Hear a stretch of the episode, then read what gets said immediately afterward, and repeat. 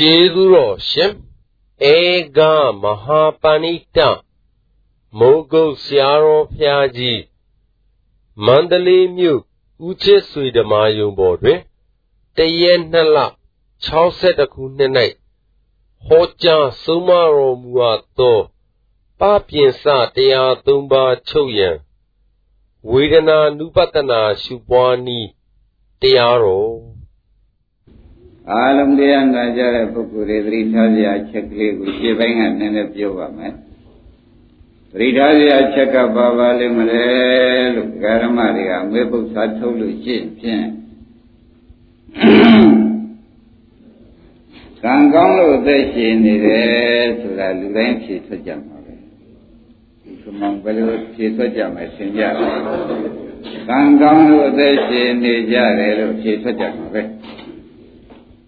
ကံကောင်းလာတာဘယ်လောက်ကြာပါလဲလို့မေးဖို့လိုလာတော့တပည့်တော်နေရတဲ့အသက်နဲ့အခုရောက်တဲ့အချိန်မှာကြအောင်ပါပဲခင်ဗျာလို့ဖြေထုတ်တယ်ဘောကြကံကောင်းလာတာဘယ်လောက်ကြာဘူးဒီသက်နဲ့မြအခုရောက်တဲ့အချိန်ရောက်အောင်ပေါ့ဗျာဘောကြကြအဲ့ဒီကံကောင်းတာတွေကလည်းဒကာဓမ္မတွေ ဥမာလေးတစ်ခုပြောလို့ရှိရင်ရှင်းတော့ပါလိမ့်မယ်ဘယ်လိုဥမာပြောရင်ရှင်းမလဲလို့ဒကာဓမ္မတွေကမေးလို့ရှိရင်လောကီမှာယခုခါမှာသောင်းတာဆိုရတဲ့ပူးလာရေကန်ရေကန်ဒီမိုးရင်းကရေပြည့်နေတယ်ခုလိုနေလေးပြင်းလာတဲ့ကာဥက္ကမောင်တို့တစ်ဖြည်းဖြည်းမခံရဘူးလားခံရမှာ ဘာဖြစ်လို့ခံရတော့ကံတော့ကောင်းတာပဲမိုးရတော့မှပြည့်နေတာပဲမိုးရတော့မှပြည့်နေတာပဲအခုဘာဖြစ်ပါလိမ့်မလို့ဆိုတော့အိုး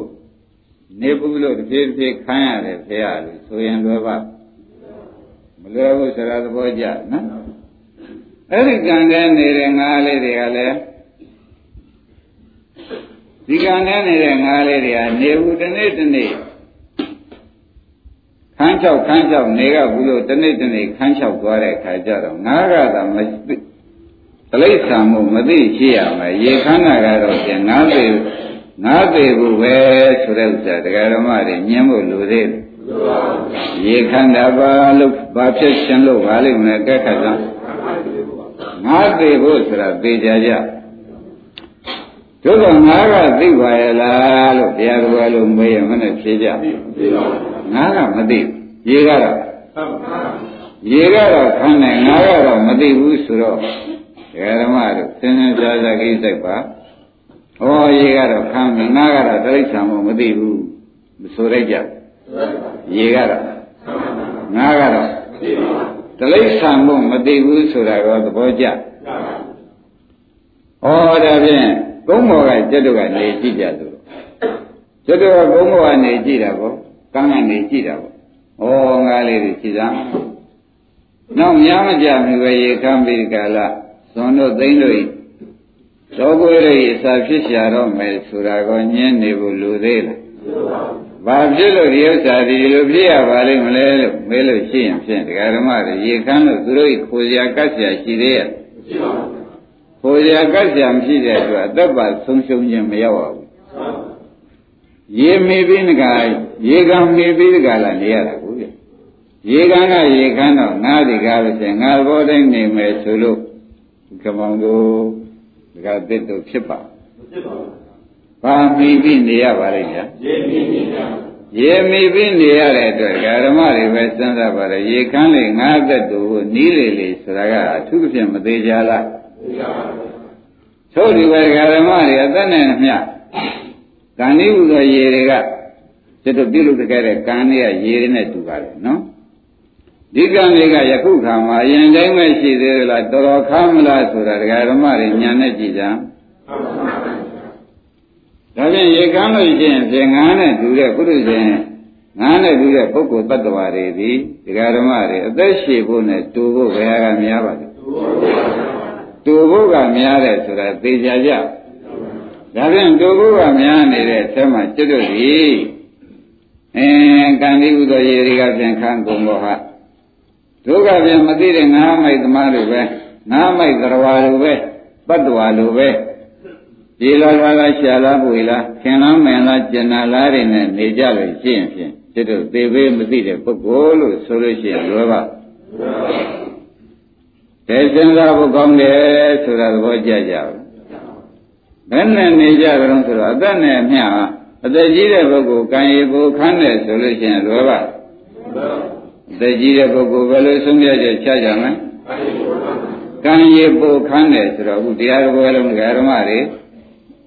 ခင်ဗျားတို့အတိတ်ကပြုခဲ့တဲ့ကံနဲ့ရေနဲ့တူတဲ့ကံတွေဟာအခုခါမှာတနေ့တခြားပါဖြစ်နေတယ်စဉ်းစားစမ်းပါခန်းတယ်နော် ရေခမ်းတာဘာဖြစ်လို့ရုံးလို့မဲလို့ရှင်နေပူလို့ရေခမ်းရတယ်ရေခမ်းလို့ရှင်ရေခမ်းရင်၅ပါးဖြစ်မလဲဆိုသေကံနည်းဖြစ်ဖို့ပဲဆိုတာကိုလွယ်သေးလားရေခမ်းတာ၅ပါးဖြစ်ဖို့ပါလေသေကံနည်းဖြစ်ဖို့ပါပဲဆိုတော့ညင်းဖို့လွယ်သေးလားဒီမှာလည်းဘုန်းကြီးတို့ပြုလာတဲ့တိတ်ကံတွေဘယ်နဲ့များနေကြပါလိမ့်တော့ခံကုန်ပြီဆိုတာသဘောကျလားအတိတ်ကံတွေအရင်တော့ကြံလေးရလား ဘာဖြစ်ကုန်ကြတော့မေးခံကုန်တော့ကျတော့ဒီကုတဲ့တိုင်နေပဲငါလေးတွေလိုပဲတောင်းလေးရှက်ပြီးဒီကလာရက်ခါရက်ခါနဲ့ရေရန်ရေနေတဲ့ပြောနေလို့ရှိရင်သေမှမသိလို့ပြောတဲ့အတိတ်ပဲဘုံမောင်းတို့ကတစ်တို့မရောက်လားဒီမှာလည်းသားနဲ့သမီးနဲ့ဆွေနဲ့မျိုးနဲ့အယောင်းနဲ့ဝယ်နဲ့သွားလိုက်လာလိုက်နေတဲ့ပုဂ္ဂိုလ်များကိုယ်ကံရခန္ဓာမသိဘဲနဲ့ငါးပြောပြောနေတယ်ဆိုတော့တိရစ္ဆာန်ပြောပြောနေတဲ့အဓိပ္ပာယ်ရောက်မရောက် အဲ့ဒါစဉ်းစားစီခြင်းလို့ရှင်းပိုင်းဒါလေးထည့်ပြပါတယ်သဘောကျဒါဖြင့်ကံကိုမိပြုနေရတဲ့ပုဂ္ဂိုလ်ကံခံလို့ရှိရင်အသက်တန်းကုန်မယ်ဆိုတဲ့ဥစ္စာညင်းနေဖို့လိုသေးလားကံကိုမိပြုနေတဲ့ပုဂ္ဂိုလ်ဒီဓမ္မတို့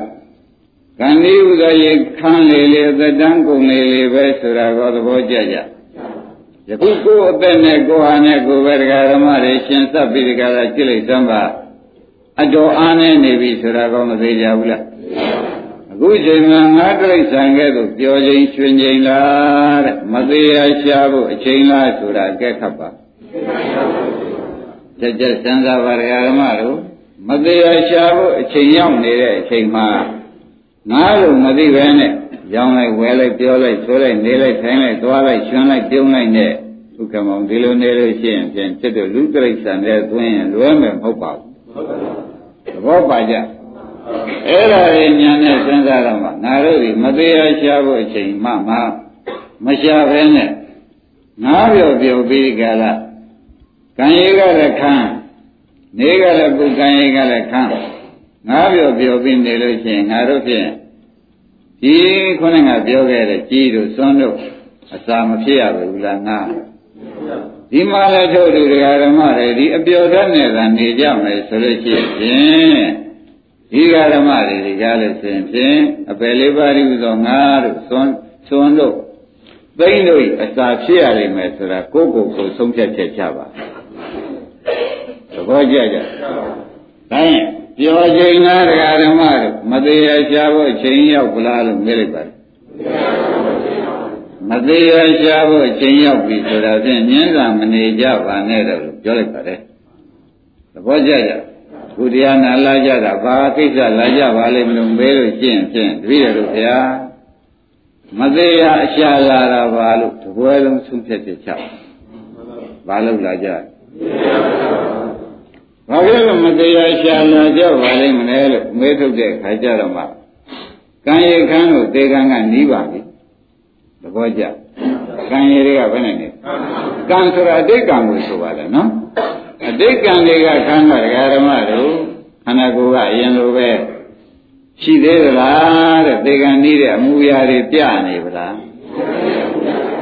သေကံနီးတဲ့အမူအရာတွေပြပြီးဒီကလာနေတာတောင်မှ ဒကာဓမ္မတို့အပြောမပြတ်အပြုံးမပြတ်ဆိုလို့ရှိရင်ပြန်ဥက္ကမောင်ခက်သေးတယ်လို့ဆိုရတယ်မဆိုရဘူးလားဘာနဲ့တူးနေပါလိမ့်မလို့ဆိုတော့မသိတဲ့ငါးပြောပြောနေတယ်ဆိုလို့ရှိရင်လည်းလွယ်ပါအဲ့ဒါလေးတွေကိုလည်းအိမ်ပြန်ပြီးကြတယ်တို့ဆရာဘုန်းကြီးကဘယ်လိုများဆုံးလိုက်ပါဇက်ကလေးနဲ့ပြောမယ်ကြံအယောင်လေးတိုးချဲ့မယ်ကြံအဝယ်လေးတိုးချဲ့မယ်ကြံ အဝိဇ္ဇာလေးပြည့်စုံအောင်ကိုတိုးချက်မဲ့ကြံနိုင်ကြတယ်မင်းဟာကသေကံဤ နေတာတောင်မှတလိ္ဆာမိုက်မိုက်တုံးပဲလားกว่าလို့ကိုကိုကိုမေးသမ်းသူကမောင်မဲတယ်မမဲလိုက်ဒါသစ်တို့မဲတယ်မမဲလိုက်သဘောကျကြအဲ့ဒါဒကာဓမ္မတွေတရားဝဲထဲမှာမှတ်သွားတဲ့ဥစ္စာအိမ်ကျစဉ်းစားမှဖုတ်တံပါလိမ့်မယ်နော်အိမ်ကျစဉ်းစားတဲ့အခါကျလို့ရှိရင်ငါတို့ သားနဲ့ပြောသမီးနဲ့ပြောစိန်ကြောင့်မရဗရမ ्या တွေနဲ့အပြော်ကြီးပြောနေတဲ့ဥစ္စာဘာပြောပါလိမ့်မလို့မေးတော့တိဋ္ဌံလို့မသိလို့သေကံဤပြောပြောနေတာပါလားလို့သုံးပြချက်ချသမ်းပါဘာပြောပြောကြပါလိမ့်သေကံဤပြောဆိုတာနားထောင်လို့ဥက္ကမောင်ကောင်းမကောင်းတက္ကသစ်တို့ကောင်းမကောင်းအဲ့ဒါသေးချာစဉ်းစားကြပါတယောက်တယောက်လဲဓမ္မမိတ်ဆွေချင်းဟာခင်ဗျဘာလို့မလို့လို့ဘာလေးဒုက္ခဖြစ်ဗျာချက်မလို့ မလုံးနဲ့ဗျသေကံဤကံရည်ကံကုန်ပြီလို့ဘုန်းကြီးကဟောထားတယ်ငါးပြောပြောပြောမနေနဲ့ငါးပြောဆိုတာတိရစ္ဆာန်တိရစ္ဆာန်ဆိုတာဟိတ်ပုဂ္ဂိုလ်ဟိတ်ပုဂ္ဂိုလ်ဆိုတာဘာမှမသိလို့သောကြကြည်လင်းတာတွေအစာဖြစ်ရတယ်ကြည်စွန်တို့အစာဖြစ်ရတယ်လို့စိတ်တို့အပေလေးပါးရဲ့အစာဖြစ်နေဗျာဆိုပြီးတယောက်တယောက်လည်းသတိပေးကြပါသဘောကျဒါဖြင့်ဒီကံကလည်းခန်းခံနေနေတော့ဒီငါးလေးတွေကဒကာဓမ္မတို့ သိခြင်းလို့သိရတော့မယ်ဆိုတာဥက္ကမောင်တို့ကသစ်တို့ညင်းဖို့လိုသေးလားဒီမှာကျွတ်ဒီတိုင်းနဲ့သားနဲ့များနဲ့ဆွေးနေမင်းနဲ့ဒီဘရှာအမျိုးမျိုးဘုံဘုံသာနေကြတော့မယ်ဆိုလို့ရှိရင်ဖြင့်ဘုန်းကြီးတို့ဓမ္မတွေစဉ်းစားပါတော့တိရစ္ဆာန်ပြောပြောပြီးဒီကလာတိရစ္ဆာန်တွေသိရလို့ရှိရင်ကိုရုပ်စလာကြီးနေတော့မယ်ဆိုတော့ဥစ္စာညင်းဖို့လိုသေးလားအခုပြင်းရင်ဆင်းရင်ရောက်ပါဗလားလို့နေလိုက် ပညာသင်ကြပါတော့တဲ့ဒီမှာကတော့ပြန်မဝေးတော့ပါဘူးဆိုတာသဘောပါကြဘယ်နဲ့ကြောင့်ဆရာဘုန်းကြီးကဒီလောက်ကိုသတိပေးနေရပါလိမ့်မလဲလို့ဘုန်းကြီးတို့ဒကာဓမ္မတွေကရှင်းရှင်းနဲ့ဘုံဘုံမဲလို့ရှင်းရင်ဒကာဓမ္မတို့ခမည်းတော်ပြုတာတဲ့ကံယနာထောက်ပံ့လာရတာကြာပြီအခုချိန်မှာအမှန်တန်အားနေနေပြီလို့ဆိုလို့ရှိရင်ဖြင့်ဒကာသစ်တို့ကမောင်တို့လွယ်ပါသဘောကျလား ဒါဖြင့်အခုချိန်ပါရှာဖို့ချိန်လေလို့မေးလိုက်ပါတယ်မတရားရှာဖို့ချိန်နော်ဒကာဓမ္မတို့ဘာချိန်ရောက်ပါလဲမတရားရှာဖို့အချိန်ရောက်ပါပြီဆိုတာသတိထားဖို့ကောင်းပါလေခင်ဗျားတို့ဖြစ်စဉ်ကဒကာဓမ္မတွေဖြစ်စဉ်ကဘုန်းကြီးကအရင်ချာတွေမဟုတ်ပဲသတိပေးလိုက်ပါလေသေကံနည်းတွေကသေကံဝေးတွေငဲ့ပြီးအလုံးလုံးနေတဲ့ဥစ္စာဟာအတော်ဆိုးတယ်မို့ သေကံနည်းတွေကဗါတဲ့သေကံဝေးတွေငဲ့ပြီးကြလားမအားမလားတခါတည်းစီဝါရှာပြီးဒီကလာနေတဲ့ဥစ္စာအယုတ်ဆိုးဆုံးပဲထင်တယ်မဆိုးဘူးလားဒီကနေ့ကဘုရုတွေရှားပေးနေရအမရိမိုက်ဆက်ပန်လိုက်တဲ့ဖြစ်ချင်းမပြောပါနဲ့တော့လို့ဆိုလို့ရှိရင်ဒကာသစ်တို့ကနာရံမျိုးရှိသေးဘယ်နဲ့လုံးမလဲဗျဒီကားဒီသမီးတွေနဲ့လို့ဒကာဓမ္မတွေကလည်းညှိုးထိုးကြဘူးလား တပည့်တော်အလုတ်တွေတိုးမချလို့ရှင်ဒီကားဒီသမီးတွေကြည့်ပွားလာကြောင်းထားမှဖြစ်ဒိဋ္ဌိမချရဲတဲ့စိတ်သူတို့ကလူလားမြောက်လာလို့ဝတ်ဖို့စိတ်တွေတပည့်တို့ဘယ်နဲ့လုံးပါတော့လို့မဲတဲ့ကသေကံနိကပြောတာလားသေကံဝေးကပြောတာလားစဉ်းစားကြည့်သားသေကံဝေးကဘုရုအတွက်သေကံနိကဘုရုအတွက်ပြောနေပါလေအိုးလွဲလိုက်တဲ့ဖြစ်ချင်းကိုရေးတော့ကိုမသိပါလားတရားဓမ္မတို့ဘာတော့ ကိုရေးကိုမသိတဲ့ပုဂ္ဂိုလ်တွေထဲလို့ရှိရင်လောဘမှာအဲလောက်တောင်ရုပ်ဆိုးကြည်တန်နေတဲ့စိတ်တုပ်ပတ်တွေကိုလည်းဒေဂန်ဤကအသေးလော့တာရှာဖို့ရည်ကြည့်ပါတဲ့ဥက္ကမောင်ပါရေးကြည့်ဒေဂန်ဤကအသေးလော့ရှာဖို့ရည်ကြည့်ရဆိုတာသေတာထုံးစံပဲလို့ဒီလိုမြည်လိုက်ပါနဲ့မသေးရရှိပါသေးတယ်ဆိုတာလည်းလမ်းပွဲလေးမှတ်လိုက်ပါဦးမသေးရရှိသေးတယ်ဆိုတာလည်းဘယ်လိုမှတ်ကြမလဲ လမ်းပွဲရှိသေးတယ်ဆိုတာကကျင့်တတ်ပါဗလားကဲဒါဖြင့်ဒကာဓမ္မတို့အခုတတိပြလိုက်တဲ့နှစ်ချက်ဒီကံရီခန်းလို့လဲဒကာရမတွေသေကံနီးလို့လဲမတရားရှားပါတော့တစ်ချက်နော်သေကံနီးကသေကံဝိတ္တဂိဆိုင်ပြီးနေတာလဲမှားတော့ဝင်ကြီးတာကလည်းတစ်ချက်ဒါတွေပြင်းညဆင်ကြပါတော့ဆိုရဲနှစ်ချက်တည်းသတိပေးထားပါတယ် ဘယ်နှချက်သတိပေးပါလဲနှစ်ချက်သတိပေးတယ်ဆိုတာဟိုလည်းလေးလေးစားစားနဲ့ဒကာရမတွေမှတ်ပါကိုယ်မှာအတိတ်ကံတွေကဘယ်နဲ့နေကြလဲသေကံကမနေသေးဘူးလားအတိတ်ကံကြောင့်ဖြစ်တဲ့ဖြစ်တော့လူတ attva တွေဒီကနေ့နေပြီဆိုတော့ဆိုညင်းဖို့လိုသေးလားဘာရှာဖို့ချိန်ရောက်လဲမသေးရရှာဖို့ချိန်ရောက်ပြီဒကာဓမ္မတို့ဘာရှာဖို့ချိန်ရောက်ပါလိမ့် မသေးရရှာဖို့ချိန်ရောက်ပြီဆိုတာလည်းသဘောပါလားမသေးရရှာဖို့အချိန်ရောက်တဲ့အချိန်မှာလဲသာသမီကဒေကံဝေးမိမိကဒေကအမေမိဘကဒေကံနီးဒေဂန်ကြီးကဒေဂန်ဝိအတွက်ဆွေးရင်ကြောင်းကြပြီးဒီကလာဘိဥဆိုင်ပြီးဒီကလာအထူးတလဲလုံနေတဲ့အလုပ်ဟာလေဒကာဓမ္မတို့အမိုက်ပုံတစ်မျိုးပဲလို့ဆိုလို့ရှိရင်ဖြင့်ဒကာသစ်တို့ခမောင်တို့လွယ်ပါအဲ့ဒါကြောင့် ဒကာဓမ္မတို့ကိုယ်ရေးမသိတဲ့ပုဂ္ဂိုလ်များမှာဒီနှစ်ခုဘာမှမစင်စားတော့ဘူးစဉ်းစားသေးရလားကိုယ်ရေးမသိတဲ့ပုဂ္ဂိုလ်ကလေကံရခမ်းမကိုလည်းသူစဉ်းစားသေးရလားသေလူပါဆိုတာကိုတွေးသေးရလားငါတေကံဤပင်ငါရေးတာသေလို့ရှားဖို့ရေးတာငါကြီးတော့တယ်ကျန်တဲ့ပုဂ္ဂိုလ်တွေတော့ဖြင့်သူတို့ကံနဲ့သူတို့ပဲလို့ဒီလိုထားနိုင်တဲ့ပုဂ္ဂိုလ်ကလည်းရှားမရှားလိမ့်မယ်လို့ထင်တယ် ရှားမမရှားဘူးလားအဲ့ဒါတွေကလည်းအခုပြောခဲ့တဲ့အချက်တွေကလည်းအလွဲနဲ့ချောကြီးပဲကိုယ်စိတ်ကူးတွေဟာဒကာဓမ္မတို့ကိုယ်စိတ်ကူးတွေကပါတဲ့အလွဲနဲ့ချောကြီးပဲဆိုတော့ကြက်ကြက်သတိထားကြမှာကိုယ်စိတ်ကူကဘာပါလိမ့်ဒကာဓမ္မတို့အလွဲနဲ့ချောကြီးပဲဆိုတော့ဘယ်အများကောင်းတာပါသေး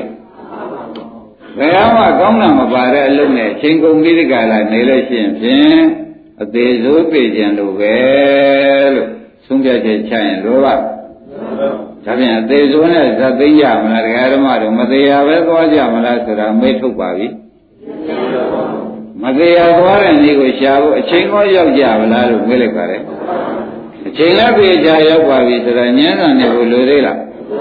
အချိန်ရောက်တယ်ဆိုတာတရားမဟုတ်ပါဘူးကံကုန်ကံတွေကလည်းအားနေတာလို့အချိန်ရောက်ပါပြီဒေဂန်ဤပြည့်နေတယ်ဒေဂန်ဝိရိယကိုဝိသုတ်ကိုအချိန်နဲ့ လျှော့ဖို့ရောက်ပါပြီဆိုတာကိုညှင်းဖို့လိုသေးလားအဲဒါကြောင့်ဓမ္မတို့မတရားရှာတဲ့အလုပ်ကိုပြောကြပါစို့ဘာပြောရမလဲမသေးရရှာတဲ့လို့ကိုဟောတော့မယ်မသေးရရှာတဲ့လို့ကိုဓမ္မတွေသေးသေးချာချာမှတ်ပြီးမသေးရရှာတဲ့လို့ဟာဖြင့်ဘယ်လို့ပါလဲလုံးလို့မေးတဲ့အခါကျတော့မှတဏှာကုန်တဲ့အလုပ်ဒီဒကာဓမ္မတွေမသေးရရှာတဲ့အလုပ် ဒါလေးနှုတ်လုပ်ပြီးပတ်လိုက်သမ်းပါဒကာဓမ္မတွေမသေးရရှာတဲ့အလုပ်ကဘယ်လို့ပါလဲတဏှာကုံအောင်လုပ်တဲ့အလုပ်ပဲဆိုတာရှင်းရမလားအဲမတရားရှားတဲ့အလုပ်ပါပဲလုပ်ပါလိမ့်ရှင်းပြီနော်ဒါဒီတလုံးဟာယံလံဘုဒ္ဓံတယ်ဆိုတာမှလိုက်သမ်းပါကျုပ်ပြမတရားရှားတာပဲဆိုတော့ဒကာဓမ္မတွေကမတရားဆိုတာနိဗ္ဗာန်ပဲလို့ပြောကြမှာပဲဒကာသင်ပြော ပြီပြောရင်ပြော냐ဆိုတော့သူကလွယ်ရင်လားတဏှာကုံမှသူစီရောက်မှာလားတဏှာကုံမသူစီရောက်ပါဖြစ်နေသောကြောင့်မတရားသွားတဲ့အလုပ်ဒီကားလို့တဏှာကုံအောင်နဲ့လုံနိုင်တဲ့အလုပ်ဒီမတရားသွားတဲ့အလုပ်ဒိဋ္ဌိကုံအောင်လုံနိုင်တဲ့အလုပ်ဒီလေးလေးပိုင်းတစ်ပိုင်းမတရားသွားတဲ့အလုပ်ပဲဆိုရင်ဟောလွယ်ပါဒါကြောင့်ယနေ့ဒကာဓမ္မတို့တဏှာကဒိဋ္ဌိသတ္တိကိုဟောတော့မယ်ဆိုတာသိသိချာချာမှတ်ပြီတော့နော် ဒီနေ့ဘယ်တရားဟောမယ်သိကြတဏှာကဒိဋ္ဌိကဟောလိုက်နော်တဏှာကလို့ရှိရင်လည်းတဏှာနဲ့ဒိဋ္ဌိဟာတွဲရည်ဖြစ်ပြီးဒီကရာနေသောကြောင့်ပါသွားပါလိမ့်မယ်ဆိုတာကိုဖြင့်ရှင်းရှင်းလင်းလင်းနဲ့ပဲမှတ်ထားကြပါ။ဒါရင်ဒါဖြင့်မနေ့ကတုတ်ကိုပဲဒကာဓမ္မတို့မနေ့ကဒကာဓမ္မတွေမနေ့ကပြောခဲ့တဲ့ချက်ကလေးဒီအလုရှင်နဲ့ကွာပြရမှာဖြစ်ပြီးဒီကရာနေတော့ သုံးရမြောက်လည်းရှိပါပြီဒကာဓမ္မတို့မျက်နှာဘက်ကလေးကစပြီးတော့ခင်ဗျားတို့ဖြည့်ချင်းကြတာပေါ့နော်လူတွေယောဂဥပ္ပံတရားမင်းကြီးကဖះလာလျှောက်လူတွေယောဂဥပ္ပံအန္တရာယ်တွေများမှအမှန်ကြောက်ကြပါလေဗျာတဲ့ထို့သောပင်ကြောင့်များတဲ့ယောဂဥပ္ပအန္တရာယ်များများပြီးဒီကလာနေတာဘာကြောင့်ပါလိမ့်မလဲလို့ကြောက်တော့ဖះကဘာဖြေလိုက်တယ် ဩအိတ်တမစ္စရိယကြောင့်ယောဂဥပ္ပအန္တရာယ်များတကွာကြားရတယ်ဖြေလိုက်တော့ဒါလည်းပြီးသွားရမို့လားကဒီအိဒ္ဓမစ္စရိယဆိုတဲ့တရားဟာလည်းဒကာဓမ္မတို့အကြောင်းမရှိဘဲနဲ့လာပါအကြောင်းမရှိဘဲနဲ့မလာတော့အကြောင်းရှာကြပါစို့ဆိုတော့တရားရမယ်ရှင်ဘုရားအိဒ္ဓမစ္စရိယကတော့ဘယ်များလာပါလိမ့်မလို့မေးတော့မနေ့ကဘယ်နဲ့ဖြေပါလိမ့် ချစ်ချင်းမုန်းခြင်းကလားချစ်ချင်းမုန်းခြင်းရှိလို့ရှိရင်ဣဒ္ဓမေစရိယလာတယ်ဣဒ္ဓမေစရိယရှိလို့ရှိရင်ယောဂများဝိဝအန္တရာယ်တွေများတယ်ဆိုတာကိုရိပ်မိကြ။ကောင်းပြီဒါကတူတူပဲပြောတော့ပါမယ်လူစကံယနေ့သေချာပြမှာဖြစ်နေလို့တိုင်းဓမ္မတို့ချစ်ချင်းမုန်းခြင်းဒီဘယ်ကများလာပါလိမ့်မလဲလို့မေးလိုက်ပါ ဆန္ဒကလာတယ်လို့ဘုရားကတရားဖြေလိုက်တဲ့အခါတရားကသံမြတ်ကင်းပါပြီဗျာလို့ပြောလိုက်တယ်အကျယ်မပြောတော့ဘူးအကျယ်မနေ့ကပြောပြီနော်ဒီဆန္ဒကဘယ်ကလာပါလိမ့်မလို့မေးထုတ်ပြန်တော့လေတရားကမေးထုတ်လို့ဘုရားကဘယ်နဲ့ဖြေလိုက်ပါလိမ့်ဝိတက်ကလာတယ်လို့ဘုရားကဖြေလိုက်တော့ဒါလည်းသိပြီးသားပဲထားပါတော့နော်ဒီဝိတက်ဘယ်ကလာပါလိမ့်မလို့ဘုရားလို့ အကျိုးကြောင့်ဆက်ပြီးဒီကလာတရားကမေးပြန်တော့ဘုရားကတဏမာနဒိဋ္ဌိကလာတယ်မဖြစ်ဘူးလားဘယ်ကလာပါလိမ့်တဏမာနဒိဋ္ဌိဆိုတဲ့ပပင်စကလာတယ်လို့ဘုရားကဖြေလိုက်နော်အဲမှာဝပါဠိတော်မှာတက္ကပညာသုတ်ဆိုပြီးဒီကလာဒီတိုင်းပဲဟောတယ်ကောင်းပြီဒါတွေကတော့ဖြင့်ဒကာဓမ္မတွေသူအကျိုးကြောင့်ဆက်ပြီးဒီကလာသိထားတော့ဒကာတရားကဆက်ပြီးဒီကလာဥက္ကမောင်တို့ဒကာသစ်တို့မေးပြန်တယ်နော် အရှင်ဘုရားဒီတဏှာမာနဒိဋ္ဌိဆိုတဲ့ပပင်စာတရားတော်ဖြင့်သဘောကျပါပြီသူကလာတယ်ဆိုတဲ့ဥစ္စာသူ့ကြောင့်ဝိတက်ဖြစ်တယ်ဆိုတာတပည့်တော်ရှင်းရပါပြီတဏှာမာနဒိဋ္ဌိချုပ်တဲ့တရားမရှိဘူးလားဗျာဒီကမောင်တိုက်ကြက်ပဲဒကာဓမ္မတွေတဏှာမာနဒိဋ္ဌိ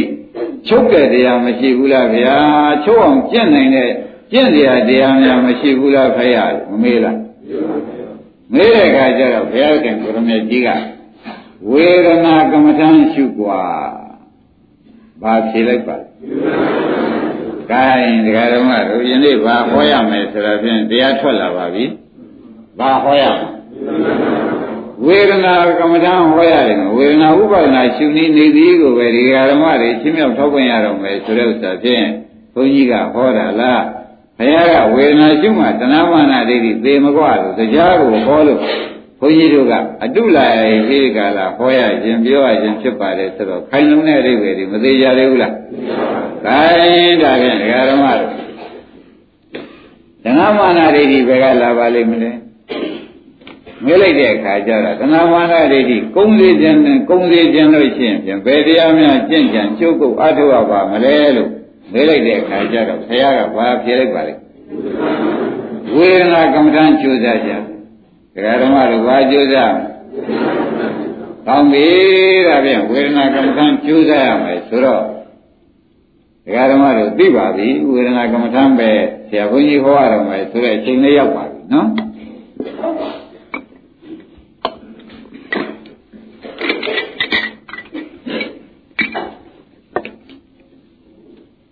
ဝေဒနာကမ္မဋ္ဌာန်းကိုဒ ကာဓမ္မတို့ပြရမယ်သိထားပါသောမနသဝေဒနာကလည်း2မျိုးသောမနသဝေဒနာကဘယ်နှမျိုးပါသောမနသဝေဒနာကို2မျိုးပဲလို့မှတ်ထားစမ်းဥပ္ပခဝေဒနာကို2မျိုးပဲလို့မှတ်ထားစမ်းပါဒကာဓမ္မတို့ခိုင်းတာအထောက်အမဲ့တရားဖြစ်သောကြောင့်အသေးချင်းအသေးကိုလွတ်အောင်အ သေးကိုလွတ်အောင်လုပ်အောင်မယ်တရားကတဏှာသမသိမယ်ဆိုတော့ဝေဒနာဖြစ်เสียတဏှာဆိုတော့ဝေဒနာမှမတတ်ရင်လေအာလုံးတရားတော်ပဲလုံးတရားဓမ္မတို့တဏှာသေးပါမလားဝေဒနာဖြစ်เสียဟောဝေဒနာကရှင်းတဏှာလာမကွာသိကြကြကဲဘုရားကပဲဟောလိုက်တာဝေဒနာနိရောဓဩဒါဖြင့်တရားဓမ္မတို့ခொနကခြီးခဲ့တဲ့ဆရာဘုန်းကြီးပြောဆိုခဲ့တဲ့စကားအတိုင်း နိဗ္ဗာန်လို့ရင်သနာသမရမကွာဆိုတဲ့ဥစ္စာကြီးဩဒီဝေဒနာကိုမရှိလို့ရှင်တဏှာကဖြင့်ဘယ်နည်းမှမသေးဘူးဝေဒနာပေါ်ရင်းသာသာယာနေကြလို့ရှင်ဝေဒနာဖြစ်เสียပါလာမယ်ကောင်းပြီဝေဒနာကိုစိတ်တို့ကဥပဒနာရှုကြပါစို့လို့ဆိုတော့ဝေဒနာနိရောဓဩဝေဒနာနိရောဓတဏှာနိရောဓဆိုတော့တဏှာသေးခြင်းဝေဒနာရှုရှင်းညတဏှာသေးခြင်း ဝေဒနာရှုရမယ်ဆိုတော့ဒကာဓမ္မတို့သဘောထူးပါကြသို့တော့သက္ကပညာသုံးမှာဟောတဲ့ဝေဒနာတွေသောမနတဝေဒနာကလည်းနှစ်မျိုးသောမနတဝေဒနာဥပ္ပခဝေဒနာနှမျိုးလို့မှတ်ထားကြပါဒကာဓမ္မကဝေဒနာဘယ်မျိုးစီရှိပါလဲနှမျိုးစီရှိပြီးကာလနေတော့ဒီဝေဒနာတွေဒကာဓမ္မတို့ရှင်းတော့ကဘု န်းကြီးပြောခဲ့တာကဒုက္ခဒုက္ခအဲဒုက္ခဝေဒနာဒုက္ခဝေဒနာဥပ္ပခဝေဒနာလို့ဝေဒနာ၃မျိုးတော့ပဲခေါ်ခဲ့နော်ဒီတက္ကပညာသုတ်ကြပြန်တော့လေ6မျိုးလို့ဘုရားခင်ကိုရမကြီးကဟောပြန်ဝေဒနာတော့သူ့လိုက်တဲ့အခါကျတော့ဒုက္ခဒုက္ခဥပ္ပခပဲရှိပါတယ်ဥက္ကမဘာရှိလဲပေါင်းလိုက်တော့ဒုက္ခဒုက္ခဥပ္ပခပဲရှိပါတယ် တို့တော်လည်းဒုက္ခကဒုက္ခသောမနတာဒုက္ခနဲ့သောမနတာအတူတူထားလိုက်အဲ့တော့ဒီသောမနတာဝေဒနာကလည်းနှမျိုးกว่าဘုရားကဒီနေရာဟောတာသောမနတာဝေဒနာကိုဥပ္ပခဝေဒနာကိုနှမျိုးကောင်းပြီတဲ့ဝေဒနာကုပြထားတော့သောမနတာကနှမျိုးသောမနတာကနှမျိုးဥပ္ပခကနှမျိုးဆိုတော့ဒကာဓမ္မတို့6မျိုးမလေး6မျိုးပဲမဲ့ သောမနတာဆိုတော့သောမနတာချင်းအတူတူပါသောမနတာချင်းကရောဥပ္ပခချင်းကရောအတူတူပါပဲတဲ့တို့တော့ဘယ်နဲ့ကြောင့်ဘုရားကြီးအိန္ဒိယမှာသောမနတာနှမျိုးဒေါမနတာနှမျိုးဥပ္ပခနှမျိုးထားပြီးဟောပါလိမ့်မလဲလို့ဆိုတဲ့ဥစ္စာကဒကာတော်ကတော့ယနေ့ရှင်းပြပါတော့သောမနတာကခင်ဗျားတို့အပေကြစေတတ်တဲ့သောမနတာတစ်မျိုးသ ဘောကျအပေကြစေတတ်တဲ့သောမနတာတစ်မျိုးပါအပေမကြစေတတ်တဲ့သောမနတာကဟောဒါကြောင့်မျိုးပြလာတာကူရိပ်မိလားသောမနတာအပေကြစေတတ်တဲ့အပေမကြစေတတ်တဲ့ဘယ်မျိုးရှိသွားကဲဒေါမနတာကလည်းတစ်ခါလုံးကြအောင်အပေကြစေတတ်တဲ့ဒေါမနတာကအပေမကြစေတတ်တဲ့ဒေါမနတာ ပြုံးနေဆိုတော့နားထဲမှာဆန်းသွားဒေါမနတာရှင်အပေကြတာကြီးပဲလေဒီလိုလည်းမှတ်ချင်မှားတယ်နော်နောက်ရှင်းပြပါမယ်တဲ့ဒါသေးသေးချာချာသာမှတ်ကြဖြစ်ကောင်းတဲ့ဒေါမနတာရှိပါသေးတယ်ဥပ္ပခါကလည်းဓမ္မတွေဒီတိုင်းပဲအပေကြစေတတ်တဲ့ဥပ္ပခါတစ်မျိုးအပေမကြစေတတ်တဲ့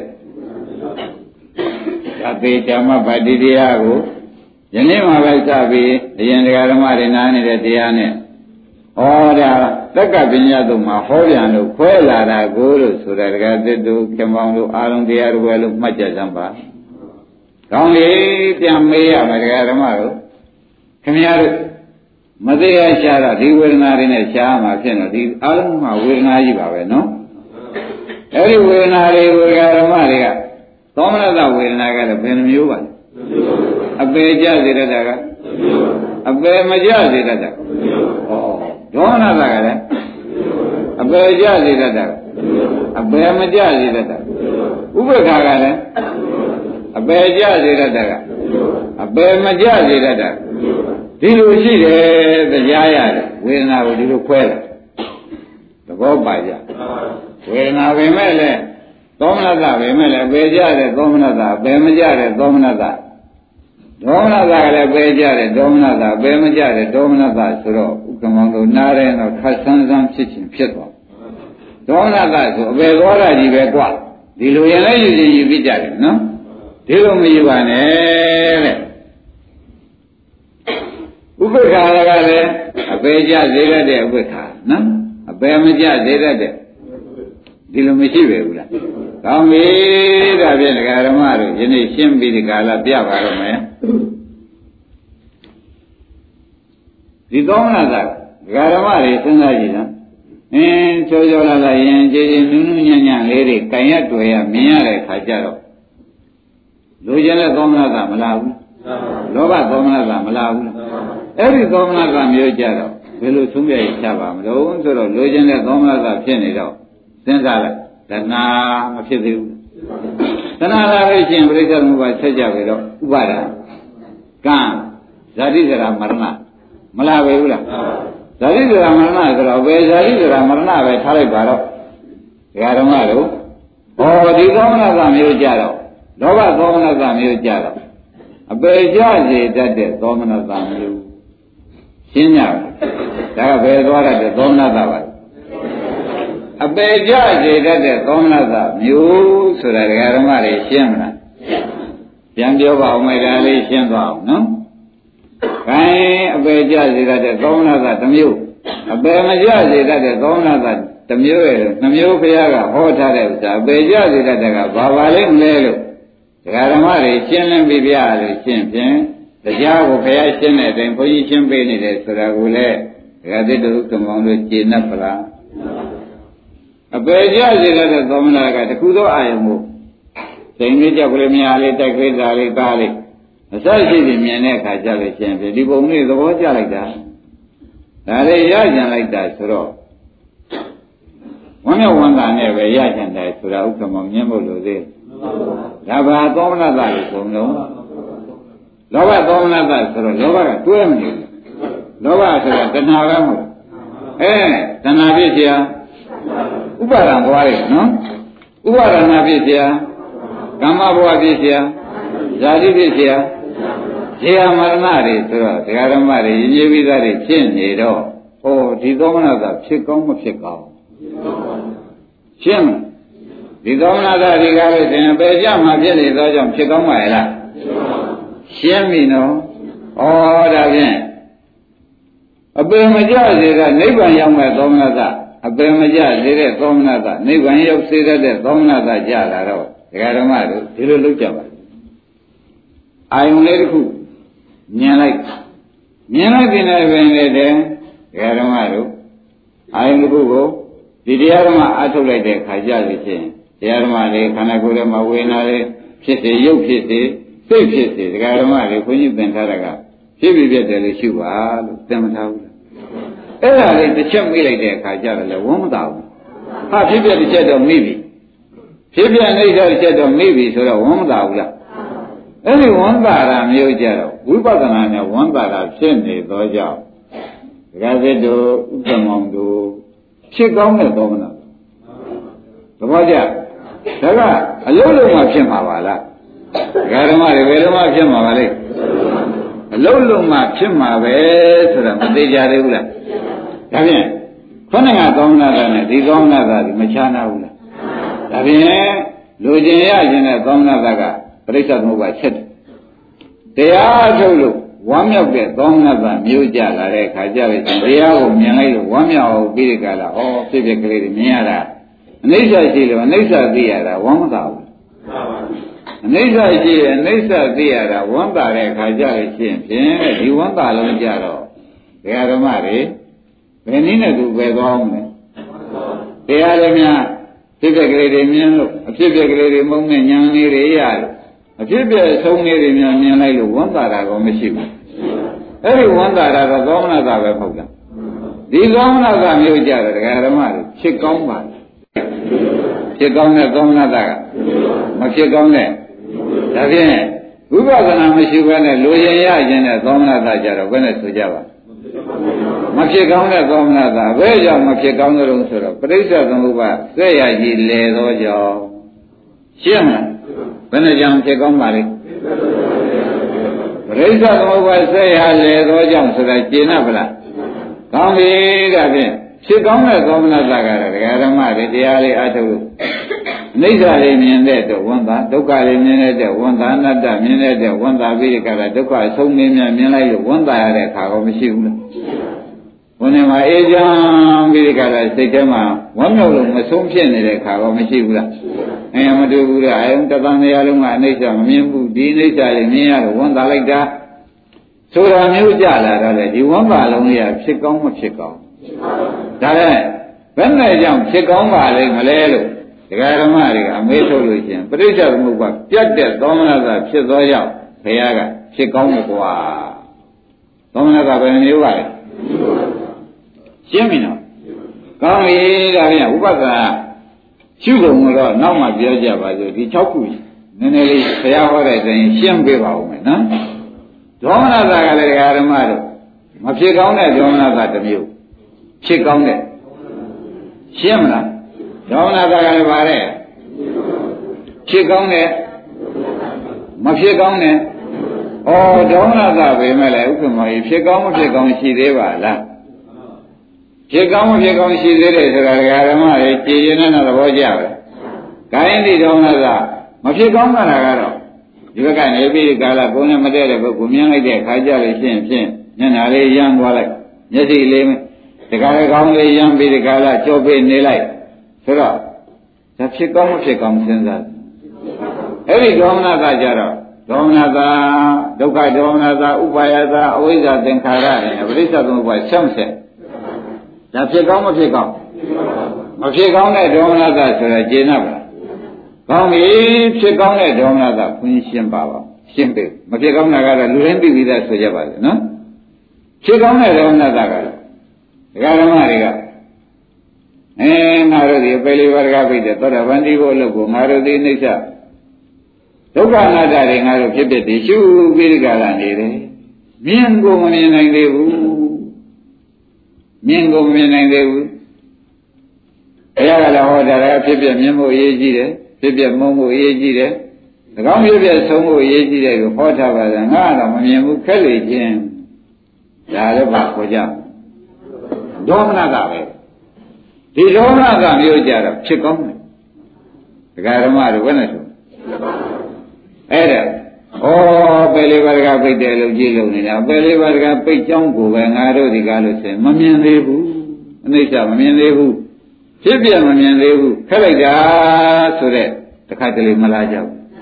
အဲ့ဒီဒေါမနတာမျိုးကြတော့ဘယ်နဲ့ဆိုကြရှင်းကြဒါဖြင့်ဒေါမနတာဘယ်နှမျိုးထားကြမလဲဖြစ်ကောင်းတယ်မဖြစ်ကောင်းတယ်ရှင်းပြီနော် အဲ့ဒါဒီကားလို့ဆိုလို့ချင်းဖြင့်တဲ့ဒါကြဆရာဝတ္ထုထုတ်ပြီးဒီကလာလာတာလေးနည်းနည်းလေးမှတ်လိုက်တာပေါ့နော်ဘုမာသီဝကိုရကြီးဆိုရရှိတယ်ဘုရားလည်းကနော်မာသီဝကိုရကြီးဆိုတာကဒကာဓမ္မတို့အမှန်တရားဆိုရကျမ်းဂန်တက်တက်ကျွမ်းတဲ့ပုဂ္ဂိုလ်ကြီးလို့မှတ်ထားကြမှာနော်ဖြစ်ကောင်းတဲ့ဒေါမနကဝတ္ထုထုတ်ပြဖြစ်ကောင်းတဲ့ဒေါမနတယဝတ္ထုကိုဒကာဓမ္မတို့တိုးတိုးလေးမှတ်ကြည့်ရအောင်နော် မဟာသေဝကိုရောကြီးသူဒီကားလို့ဆိုရင်ကြောင်းပေါင်း900လောက်စာချနေတဲ့ပုဂ္ဂိုလ်ကြီးပါပဲအမှန်တရားစာပေကျမ်းကတော်များတယ်သူတို့တွေကတော်ထဲမှာရဟန္တာဖြစ်ပြီးကြတယ်နေကြတယ်တရားကျင့်ကြံကြိုးကိုအထုတ်တာနဲ့တပည့်တွေကအဘိညာမာရတာနဲ့ဥက္ကမောင်တို့ဒကာတိတို့ငါတို့ဆရာကြီးဟာရဟန်းကိစ္စပေးလေဗလားရဟန္တာဖြစ်လေဗလားလို့သူတို့အဘိညာနဲ့ကြည့်လိုက်နော်ဆိုခဲ့တော့အဘိညာနဲ့ကြည့်တဲ့အခါကျတော့မှ ဘာမှမဟုတ်သေးပါလားလို့ဆိုတာကိုမြင်ကြနော်ဒါနဲ့ကောင်းငင်ကနေပြီးတော့တဲ့ရဟန်းကနေပြီးရဟန္တာဖြစ်တဲ့ပုဂ္ဂိုလ်ကောင်းငင်ကနေကြွလာတဲ့ဥက္ကမောင်ကြီးကြွလာတဲ့အချိန်ကြပြီးသူရှိမှာပဲဝိချဝိချပြီးဒီကလာငါရှင်ပါလို့လာတော့အနုမောဒနာတရားတွေဘုလိုချင်လို့ပါဗျာဟာငါငါလူရငါလည်းရငါအချိန်မရှိဘူး ဒါဗျာဆုံးမသွားတဲ့ချိန်လေးဆုံးမမထွက်ခင်လေးသပိတ်ကလေးပါလေးပိုက်နေခဏရက်တဲ့ချိန်လေးပြဒီချိန်လည်းမရဘူးအဲ့ရထားထားခြင်းမရဘူးလားမရဘူးကဒီချိန်လည်းသုတ်တံပုဂ္ဂိုလ်ပြီးမှပုဂ္ဂိုလ်တွေကမင်းမပုဂ္ဂိုလ်တွေကသူ့ချိန်နဲ့သူ့ချိန်ပေးတယ်လို့ချိန်နေရှိနေတယ်ကွဘယ်ချိန်မှမေးချိန်ကိုမရဘူးလို့ဒါကသိအချိန်ကြီးကုန်တယ်သူ့မှာဖြေးနေရတဲ့အချိန်နဲ့မအောင်ပေါ့ဗျာ ဒါနဲ့ဟောရဟန္တာဖြစ်တဲ့ပုဂ္ဂိုလ်ကတော့တဲ့ကကြွလာပြီးရဟန္တာဖြစ်တဲ့ပုဂ္ဂိုလ်အရှင်ဘုရားဒီလိုဖြစ်ရင်ရှင်ဘုရားသေချိန်များမှရှိသေးလားလို့ငေါ်လုံးစောင်းလုံးနဲ့ပြောလိုက်သဘောကျသေချိန်မှရှိသေးရလားလို့ငေါ်လုံးစောင်းလုံးနဲ့ပြောလိုက်ပါလေပြောပြီးဒီကလာသံဃာရစေတော့ဆိုပြီးဒီကလာတကသိကောင်းငင်ပဲသူရှိပြန်တက်သွားကောင်းငင်ပြန်တက်သွားတယ်ရဟန္တာပုဂ္ဂိုလ်ဆိုတော့ အပင်ဉာဏ်လည်းရပြီးတဲ့ပုဂ္ဂိုလ်ဖြစ်လေသောကြောင့်ပြန်နိုင်တယ်လို့ဒီကသိမှိုက်တယ်ပေါ့အဲ့ဒီပြန်တော်ပြီးဒီကလာဩဒီပုဂ္ဂိုလ်တဲထူးတဲ့ပုဂ္ဂိုလ်ပါလားငါစီအနုမောဒနာတရားတောင်းလာတာမဟုတ်ပါလားဂရိပေးမလို့လာတာနဲ့တူတဲ့ငါလည်းကွာဒီရဟနာဖြစ်ဖို့လို့ကမခဲပါဘူးဆိုပြီးဒီကလာသူလည်းပရိယတ်တွေစွန့်တယ်ပြီးဒီကလာဒီကရမတော်တယ်သွားပါတော်တယ်သွားပြီးတရားထုတ်တယ်နော်တော်တယ်သွားပြီးတရားထုတ်တဲ့အချိန်ကြတော့ သူစိတ်တွေကဝါဇလာပြီးတော့တရားနေ့ပြန်လာမယ်ဆိုပြီး73ရက်နဲ့73ရက်နေလောက်မယ်ဥက္ကမောကြီးတောထွက်သွား3ရက်လောက်အာထုတ်ရမ်းတာဖြစ်ပါလေဒါမခဲရပါဘူးလို့သူစိတ်ထဲမှာအတော်လဲပုံမြင့်နေဆိုတော့မှတ်ထားရတယ်ပေါ့3ရက်အာထုတ်ရင်ရပါတယ်ရမ်းတာအဖြစ်ကိုသူရနိုင်မယ်လို့ဧကန်ယူထားပါတယ်နော်ဒါနဲ့အာရုံကဓမ္မတို့အာထုတ်လိုက်တာနဲ့ဖြစ်ဖြစ်နေကြတွေအားထုတ်လိုက်တာ သုံးရက်သာရှိသွားတယ်ဒကာဓမ္မတို့ဟိုမှာသာဝါဆိုဝါဆိုဖို့အချိန်ရောက်သွားတယ်ဝါဆိုတော့ပြီးတော့တည့်ရနေတာဝါဆိုကြတော့တယ်သူတော်ထဲမှာတည့်ရနေပြန်ပြီးရဟန္တာဖြစ်နေဝါဆိုမဲ့လို့မှန်းကြည့်ကြည့်ရတရားမပေါက်လို့ဝါဆိုနိုင်သေးရဲ့ဒကာဓမ္မတို့မလွယ်ကူဘူးနော်မလွယ်ကူပဲဖြစ်သွားဒါနဲ့ပဲကဲကွာသတင်းကျွတ်ကြည့်အောင်တော့အထုတ်ရင်ဘယ်မရပဲနေရမလဲဆိုပြီးသတင်းကျွတ်ကြအောင် သတင်းကြကြမှာဘဝရဏဘွဲကြမှာရဟန္တာဖြစ်နေဝင်တော့မကွဆိုပြီးဒီကလာကြိုးစားလိုက်တာလဲတကယ်တဲ့ဥက္ကမောင်သတင်းကြလည်းမရဘူးဒကာဓမ္မတို့ဖမ်းကြိုက်ကြသေးရလားကဲတူတူပြောကြပါစို့ဆက်နှစ်ကြာသွားကြတယ်နော်ဆက်နှစ်ကြာအောင်မရပဲဖြစ်ရှင်းဘယ်လောက်ကြာသွား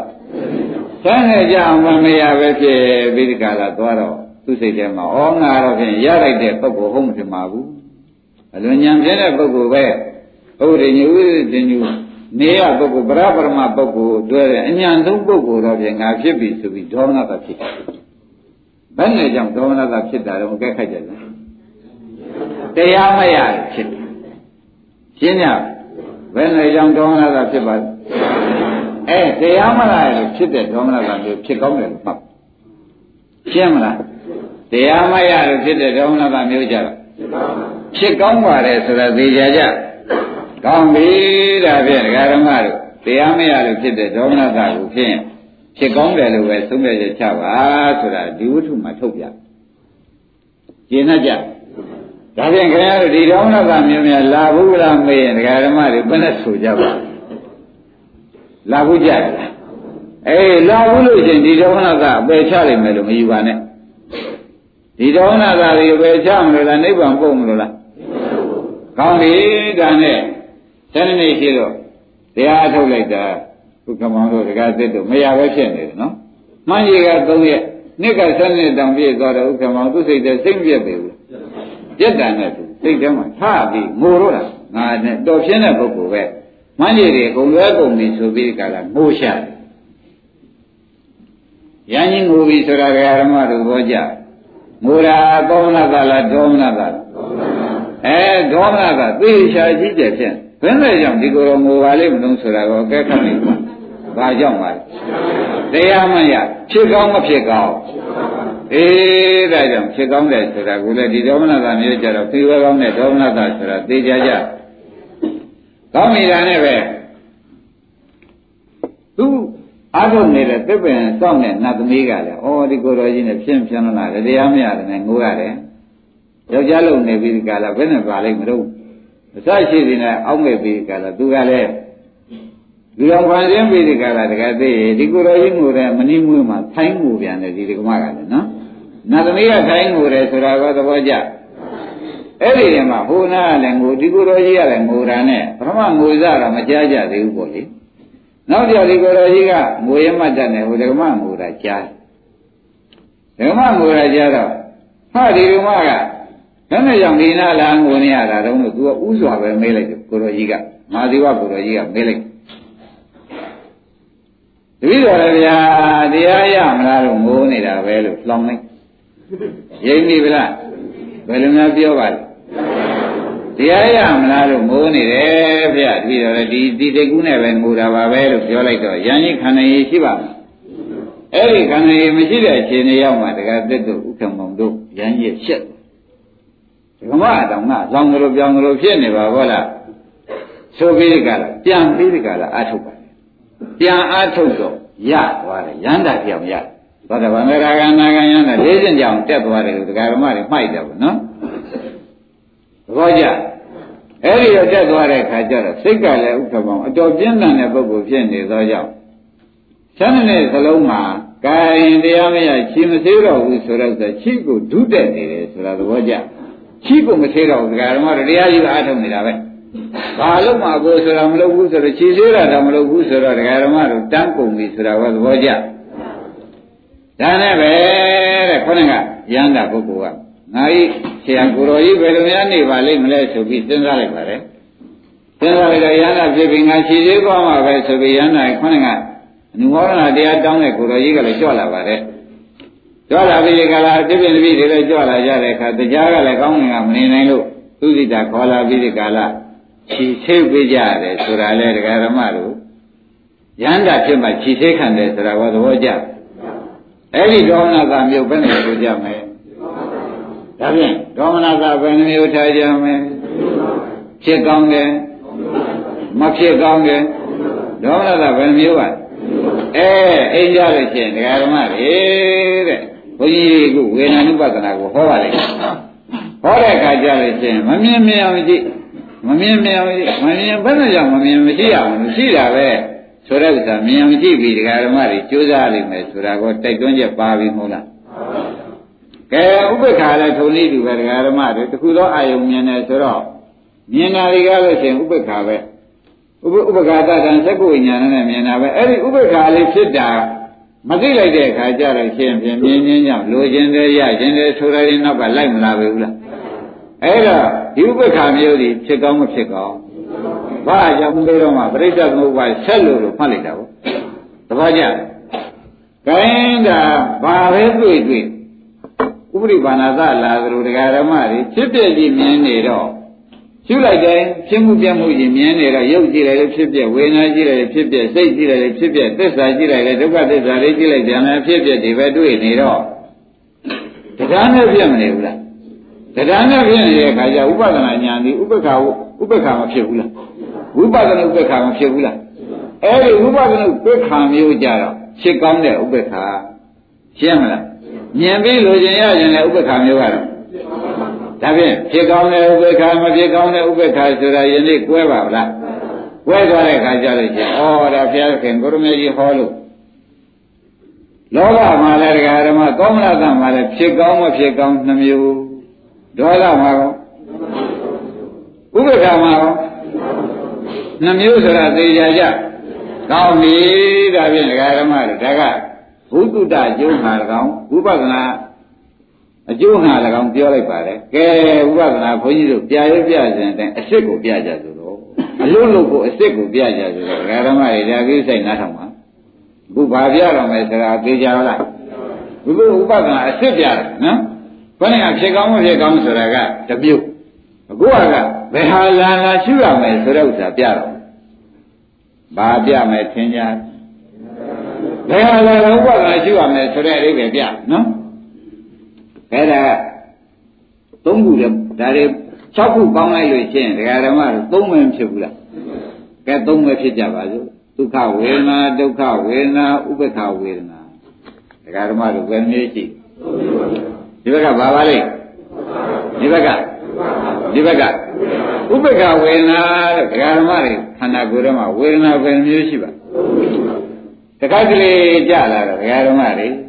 ကိုယ်လည်းချမ်းသာစိတ်လည်းချမ်းသာလေးများကောမရှိဘူးအင်းဒါကြတော့ဒုက္ခဝေဒနာပေါ့ဗျာရှင်းပြီနော်ကိုယ်လည်းချမ်းသာစိတ်လည်းချမ်းသာနေတာဒီလိုလုံးမှာဘာဝေဒနာတွေဆိုကြပါဟောဒါခင်ဗျားတို့ဝေဒနာခန္ဓာဟုတ်ပါရဲ့လားတခါတည်းကြတော့ကိုယ်ဆင်းရဲစိတ်ဆင်းရဲကောမရှိဘူးအင်းဒါကြတော့ဘာဝေဒနာတွေဒီချိန်လည်းညှို့ထိုးတာလေဒီချိန်မှာဘေးကနေလည်းညှို့ထိုးရင် ဘာလည်းညှို့ထိုးမိမယ်ထင်ကြတယ်ဝေဒနာပဲထိုးမိမှာပဲရင်းမိကြဒုက္ခဝေဒနာရှိတဲ့အချိန်ထိုးမိလို့ချင်းဒုက္ခဝေဒနာပဲထိုးမိမှာပဲဒုက္ခဝေဒနာထိုးမိလို့ရှိရင်ဒုက္ခဖြစ်နေတဲ့အချိန်ညာနဲ့ညှို့ထိုးကြည့်လို့ချင်းဘာထိုးမိမယ်ထင်ကြတခါတည်းကြဒကာဓမ္မတွေအားလုံးပဲဥပ္ပခဝေဒနာတွေများဖြစ်အလုံးစုံသောပုဂ္ဂိုလ်တွေဒီကမ္မတကာပဲဆိုပြီးကာလများညံလဲနေတဲ့ခါမရှိဘူးလားရှိပါဘူး အဲ့ဒီခါကျတော့ဥပ္ပခဝေဒနာတွေမဖြစ်ပေဘူးလားမျက်လုံးနဲ့မြင်လာတဲ့ဥပ္ပခနာတွေကြတာရောနှာခေါင်းနဲ့နားတဲ့စိတ်ကလေးတွေရောအဲဥပ္ပခသာတံခန္ဓာဝိညာဏစရှိသည်ပေါ့ဗျာနော်အဲလေယာဘောပေါ်တာရောဝန်းနဲ့ကမ္မတကာထားတာတွေဟူသည်ဥပ္ပခတွေပဲဆိုတာသဘောကျအဲ့ဒီမြင်နေတဲ့အခါမှာလဲဩဘာခန္ဓာလို့ဆိုကြမယ်ဥပ္ပကဝေနခန္ဓာကြားနေတဲ့အခါ နားနေတဲ့အခါစားနေတဲ့အခါအဲဝဏ္ဏကမ္မစကားထားတဲ့အခါဥပ္ပကဝေနခန္ဓာလို့မှတ်ထားတော့ဒကာဓမ္မရဲ့သဏ္ဍာကိုယ်ထဲမှာဝေဒနာဘယ်နှမျိုးရှိလဲအားလုံးမနာသေးတဲ့ပုဂ္ဂိုလ်များလည်းသိချမ်းမှပါလှုပ်လို့ရမယ်တရားဖြစ်နေသောကြောင့်သေးသေးချာချာမှတ်မှသာရင်ကိုယ့်အိမ်မှာအလုပ်လုပ်ဖြစ်မယ်ဆိုတာလဲကြည်ကျင်တဲ့နာမှတ်ကြစမ်းပါသဘောကျကြစမ်းပါနော်ဒုက္ခဝေဒနာလည်းတရားဓမ္မတို့ ခန္ဓာကိုယ်ထဲမှာသူ့ခိုက်တံသူမပေါ်ဘူးလားဒုက္ခဝေဒနာရောသူ့ခိုက်တံနဲ့သူပေါ်တာနော်ဥပ္ပခဝေဒနာရောသူ့ခိုက်တံနဲ့သူပေါ်တယ်ဆိုတာသဘောကျကောင်းပြီဒါဖြင့်ဒကာဓမ္မတွေသန္တာမှာဝေဒနာကင်းတဲ့ချိန်ပြောစမ်းပါရှင်ဘယ်နဲ့ပြောကြဝေဒနာကင်းတဲ့ချိန်ဘယ်ချိန်မှမရှိဘူးနော်တခါတည်းဒုက္ခနဲ့နေတခါတည်းကြတော့တခါတည်းကြတော့ဒါဖြင့်အာလုံးဒကာဓမ္မတို့ ဝေဒနာကင်းတဲ့ပုဂ္ဂိုလ်ဒီတဲ့ပါပါရဲ့လားဩဝေဒနာကင်းတဲ့ပုဂ္ဂိုလ်တရားမှမပါဘူးသူ့ဝေဒနာနဲ့သူ့ဝေဒနာနဲ့သူ့ခိုက်တံသူ့ခိုက်တံနဲ့နေကြတာကြီးပဲဆိုတာကိုရှင်းကြဒါဖြင့်ဒကာဓမ္မတို့ခန္ဓာကိုယ်ကြီးဘာခန္ဓာလို့ဆိုကြမယ်ဝေဒနာခန္ဓာလို့ဆိုကြပါတော့နော်ဝေဒနာခန္ဓာလို့ဆိုကြပါတော့ဒကာဓမ္မတို့ခန္ဓာကိုယ်ကြီးဘာဆိုကြမလဲ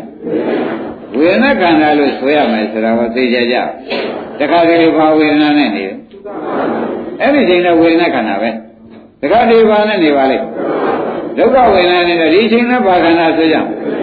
တခါတည်းကြတော့ဘာနဲ့နေပါလိမ့်အဲ့ဒီချိန်ကဘာခန္ဓာဆိုကြဩဒါဖြင့်ဒကာရမတို့ခင်ဗျားတို့လည်းညှိုးထိုးကြည့်လို့ရှင်းဖြင့်အရှိထိုးတယ်ကောင်းငင်ထိုးမိမှာအနောက်ထိုးအပေါ်ထိုးတယ်ဘေးလက်ထိုးနေတာတို့ကောင်းငင်မဲ့ထိုးမိမှာပဲ မတ်တရပြီးထိုးပါတဲ့မတ်တရပြီးအောက်လည်းညှိုးထိုးပြန်တယ်မြေကြီးထိုးမိတယ်ဆိုမလားမြေကြီးနဲ့လည်းညှိုးနဲ့ဝေးရှိသေးကြားထဲမှာကောင်းငင်လေးရှိနေသေးတယ်မရှိဘူးလားကောင်းငင်ပဲထိုးမိရမရောက်ပြီဘူးလားဒီမှာလည်းဘယ်ချိန်ခန္ဓာကိုယ်ထဲမှာကြည့်ကြည့်ဝေဒနာတွေ့အောင်ကြည့်ရမယ်သဘောပါဘယ်ချိန်ခန္ဓာကြည့်ကြည့်ဝေဒနာရောဝေဒနာကိုမေ့အောင်ကြည့်ရဒကာရမဘယ်ချိန်ကြည့်ကြည့်ပါပါလိမ့်ဝေဒနာမေ့အောင်ကြည့်ရမယ်ဆိုတာကိုသဘောကျ ခொနည်းကလည်းညှို့ထိုးတော့ဘယ်ထိုးထိုးဘယ်ထိုးမိတော့ဒီမှာလည်းဒကာရမတွေညာနဲ့ဘယ်ချိန်ပဲလက်ညှို့ထိုးထိုးဝေဒနာကြီးတွေ့ရတယ်ရှင်းမလားညာနဲ့ပဲချိန်လည်းညှုပ်ထိုးထိုးပါတွေ့ရဝေဒနာကြီးတွေ့ရမယ်ဆိုတော့ကျင်납ပါဘာကြောင့်ဝေဒနာကြီးတွေ့ရမယ်လို့ဆရာဘုန်းကြီးဟောပါလိမ့်မလို့ဆိုတော့ခန္ဓာကိုယ်ကြီးကဘာခန္ဓာလဲအဲခန္ဓာကိုယ်ကြီးကဝေဒနာခန္ဓာဆိုတော့ဒကာဓမ္မတို့ဘယ်ချိန်ညာလည်းညှုပ်ထိုးထိုးဘာထိုးမိမယ်ထင်ကြ ဝေဒနာပဲထိုးမိမယ်ဆိုတာမသေးကြဘူးလားခိုင်းဒါဖြင့်ဝေဒနာထိုးမိအောင်ထိုးလို့ရှိရင်ဖြင့်ဒကာဓမ္မတို့သိကြပါတယ်နော်အဲ့တော့ခန္ဓာကိုယ်ထဲမှာဒုက္ခဝေဒနာဒုက္ခဝေဒနာဥပ္ပခဝေဒနာလို့ဝေဒနာသုံးမျိုးမရှိဘူးလားဝေဒနာပေါ်တိုင်းပေါ်တိုင်းဒကာဓမ္မတို့သူ့ဝေဒနာလေးပေါ်တာကရှင်းပြီးနည်းနည်းပြပြရေတဲ့ဝေဒနာပေါ်တဲ့နေရာလေးကကိုယ်ပေါ်ကြလို့ရှိရင်ဒကာဓမ္မတို့မှတ်ထား ကိုယ်ပေါ်မှာဒုက္ခဝေဒနာပေါ်တယ်သဘောကျဝန်းထဲမှာသောမနတဝေဒနာပေါ်တယ်ကိုယ်ပေါ်မှာဝန်းနေကြတယ်အဲဝန်းတာလို့ရှိရင်ဝန်းတဲ့ကိုဆန်းရှုရကိုယ်ပေါ်မှာလေလေးတိုက်လို့ခုနေရာလေးကနေလို့ကောင်းဒီနေရာလေးကနေလို့ကောင်းဆိုရင်အဲ့ဒီကောင်းတဲ့နေရာဒုက္ခကိုရှုရဝန်းတာရင်ကောင်းရတာဝင်တော့ဘယ်ရှုမလဲ အဲကိုယ်ပေါ်မှာချမ်းသာလို့ရှိရင်ချမ်းသာတဲ့နေရာလေးကိုညာဥတက်ပြီးရှုရတယ်သဘောကျကောင်းနေတာဝေဒနာဟာကိုယ်ပေါ်မှာပေါ်ရင်ကိုယ်ပေါ်မှာညာလိုက်ပါဝန်းထဲမှာပေါ်ရင်ခိုင်းတခါဒုက္ခဝေဒနာဆိုတော့နာရခြင်းနဲ့ကြိုက်တယ်ခဲရရတဲ့သတ်တဲ့အစရှိတဲ့နေရာအဲ့ဒါဒီကိုယ်လုံးမှာပေါ်နေပါလေ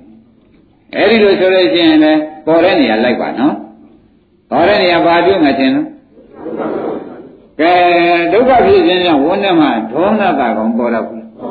အဲ့ဒါလည်းဒီချိန်ကြလို့ရှိရင်ဒေါမနတာကိုမမိမိအောင်ဖမ်းပါတဲ့သူလည်းဝေဒနာဖြစ်တယ်ဆိုကြောင့်ဝန်းနဲ့လိုက်ရတယ်ညာကဝန်းနဲ့လိုက်ရသဘောကျလားဒါပြန်လိုက်ပြန်နေရပြီအတိုင်းပဲဆိုတာကိုသဘောကျဥပ္ပခဝေဒနာတော့တခါတည်းကြတော့မြင်တယ်ဆိုမျက်လုံးနဲ့ဥပ္ပခဝေဒနာပေါ်ကြားတယ်ဆိုရင်နားထဲမှာနားတယ်ဆိုရင် နှာခေါင်းထဲမှာဥပ္ပခဝေဒနာပေါ်တယ်ဟုတ်လားစားတယ်ဆိုရင်လေယာပေါ်မှာဥပ္ပခပေါ်တယ်ဝန်းထဲမှာကာမစကားထားတဲ့အခါမျိုးမရှိဘူးလားအဲ့ဒီခါကျတော့ဝန်းထဲမှာဥပ္ပခမပေါ်ဘူးလားအဲ့တော့တခါတည်းကျတော့မျက်စိနားနာကောင်းလျာကိုလိုက်ပါ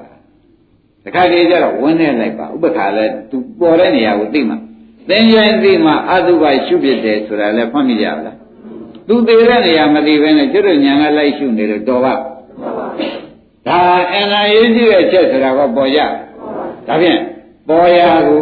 လိုက်ရပါလိမ့်မယ်ဆိုတာသဘောကျကောင်းပြီပေါ်ရလိုက်တော့ဒုက္ခဝေဒနာဘယ်မှာပေါ်ကိုယ်ပေါ်မှာ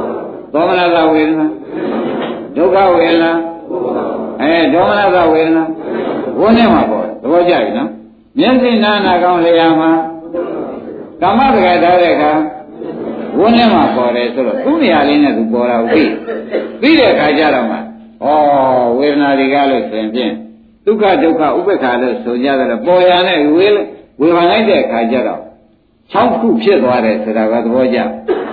ပေါ်ရနဲ့လိုက်တဲ့အခါကျတော့သူပေါ်တဲ့နေရာနဲ့လိုက်လိုက်တဲ့အခါကျတော့ဘယ်လိုမျိုးရှိသွားအဲ ဒါဖြင့်ဒကာဓမ္မတို့ဝေဒနာဘယ်နှမျိုးရှိရမှာပါလိမ့်မလဲလို့မေးတော့ရှိရမှာတော့၃မျိုးပဲခင်ဗျာပေါ်ရဌာနနဲ့လိုက်လို့ရှိရင်တော့အခုမျက်စိနာနာကောင်းတရားနဲ့ပါကောင်းမယ်ဆိုရင်မနှဲတော့ဘူးပေါ့ဗျာတို့သကောက်သိထားလို့ရှိရင်တော်ပြီဆိုတာကျင့်납လားကောင်းပြီဒါဖြင့်ဒီဝေဒနာတွေရှုပါမှပပြင်စသိနေသဘောကျဒီဝေဒနာတွေရှုပါမှပပြင်စသိမယ်လို့ဘုရားကဟောဒီဖြစ်လေသောကြောင့် ကျွတ်ဝေဒနာတော့ဖြစ်မရှိရင်ဖြစ်ပါမလားအဲဝေဒနာရှုမဲ့ကြံတော့ဝေဒနာကအခုဝန်းထဲမှာပေါ်တာက၃ခုပြင်မဲ့မှာပေါ်တာဒီကားလို့ဆိုလို့ရှိရင်ဖြင့်ဒကာဓမ္မတို့အကျဉ်းဆိုတော့၃ခုပေါ့ဗျာကျက်ချလိုက်မယ်ဆိုလို့ရှိရင်လည်းသက္ကုသောတာကနာလေးပါနဲ့ဆိုလို့ရှိရင်ဖြင့်၄ငါ6ခုထားပါမယ်ဒါကနာထဲမှာဒီဝေဒနာတွေအကုန်မရှိဘူးလားသူ့အလိုက်လိုက်သူပေါ်လိုက်ခြင်းနဲ့သူပေါ်လိုက်ခြင်းမရှိဘူးလားကဲဒီဟာကိုဒကာဓမ္မတွေကမဲ့ခင်နဲ့လိုက်ရလိမ့် မယ်မဲ့ခင်ဘယ်နှပါးဒကာဓမ္မတွေငါးပါးနဲ့ဥပဒနာမဲ့ဆိုတာငါးပါးပဲရှိ၆ပါးဆိုတာမမြဲဘူးဥပဒနာမဲ့ဘယ်နှခုရှိပါလိမ့်အဲဒကာဓမ္မတို့ပေါ်ရာကိုခင်ဗျားတို့လဲရမယ်နော်ကိုယ်ပေါ်မှာပေါ်ရင်ကိုယ်ဝန်းထဲမှာပေါ်ရင်အဲကိုယ်ပေါ်မှာပေါ်ရင်ဝန်းထဲမှာပေါ်ရင်မျက်စိနာနာကောင်းတရားမှာပေါ်ရင် လေမျက်စိနာနာကောင်းတရားမှာလိုက်ပါဝန်းထဲမှာပေါ်ရင်ကဲ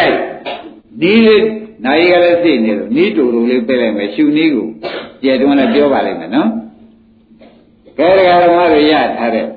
ပါဠိလေးနှလုံးကိုဥက္ကမောင်ပေးချမှတ်တာတေဟိပတိကောရကြဗလားဆိုစမ်းပါရပြီနော်ဘယ်နဲ့လဲတော့အေဟိပတိကောမှတ်ထားရအောင် တေဟိကမြန်မာလိုပြန်လိုက်မယ်လာကေပတ္တကရှုပါအေဟိကပတ္တ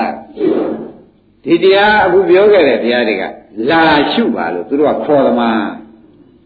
ဒီ၆ခုကဘာပါလဲအိဗတိကောခေါ်သမားနော်အေးလာခဲ့ပါပတ္တကျွတ်ကိုရှုပါသဘောကျအေးကပတ္တက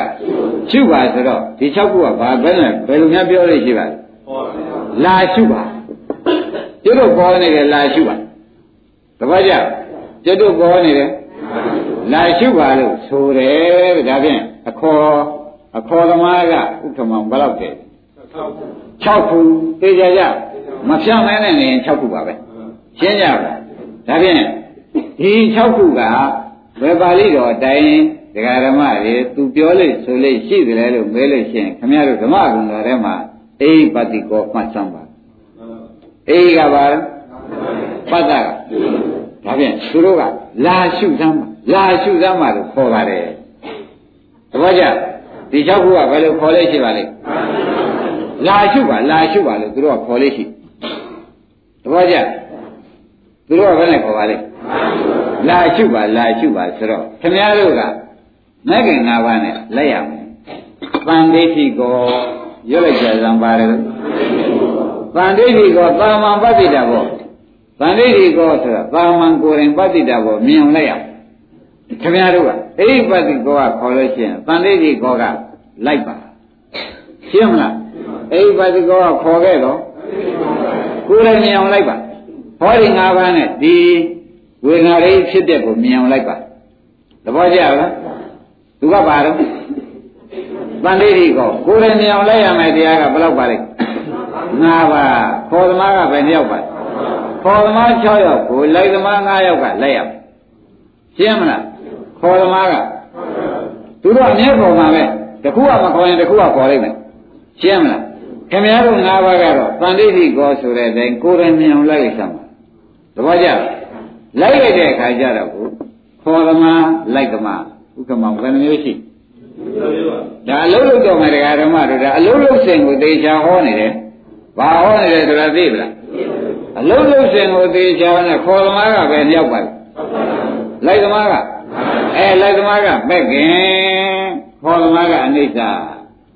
ဘောကြခေါ်သမားကလိုက်သမားကအဒါဖြင့်အနိစ္စကိုမက်ကနဲ့လိုက်ရှင်းမလားအနိစ္စကိုမက်ကနဲ့လိုက်လိုက်တဲ့အခါကျတော့အနိစ္စကဗန္ဒီအနိစ္စကအိပတိကောအနိစ္စကအမြဲတမ်းခေါ် တကွာကြအနိစ္စကအနိစ္စကအိပတိကောအိလာခဲ့ပါပတ္တကြုတ်ချူပါမခေါ်ဘူးလားခင်ဗျားတို့ကဘာနဲ့လိုက်မလဲဗန္ဒီကောဆိုတော့မဲနဲ့ကလိုက်ရတကွာကြလိုက်လိုက်တဲ့အခါကျတော့ခေါ်တဲ့ရှိကိုလိုက်ပေးပါနော်အဲ့တော့ခေါ်တာကအိစ္စလိုက်တာကခေါ်တာကလိုက်တာကခေါ်တာကလိုက်တာကဒါဖြင့်အနိစ္စကိုမက်ကနဲ့လိုက်ပါ ရှင်းမလားအနိစ္စကိုခေါ်သမားကပါဠိတော်ဘယ်လိုပါလဲလိုက်သမားကဩတန်အိဗ္ဗတိကောခေါ်ရကိုတန်လေးကြီးကောနဲ့လိုက်ပါအိဗ္ဗတိကောခေါ်ရကိုတန်လေးကြီးကောကလိုက်ပါဆိုတာသဘောကျကဲလိုက်ချင်းအကျိုးမလိုက်ချင်းအပြစ်ကိုတော့လက်ပြန်မှရှင်းမယ်နိုင်သိသွားပြီ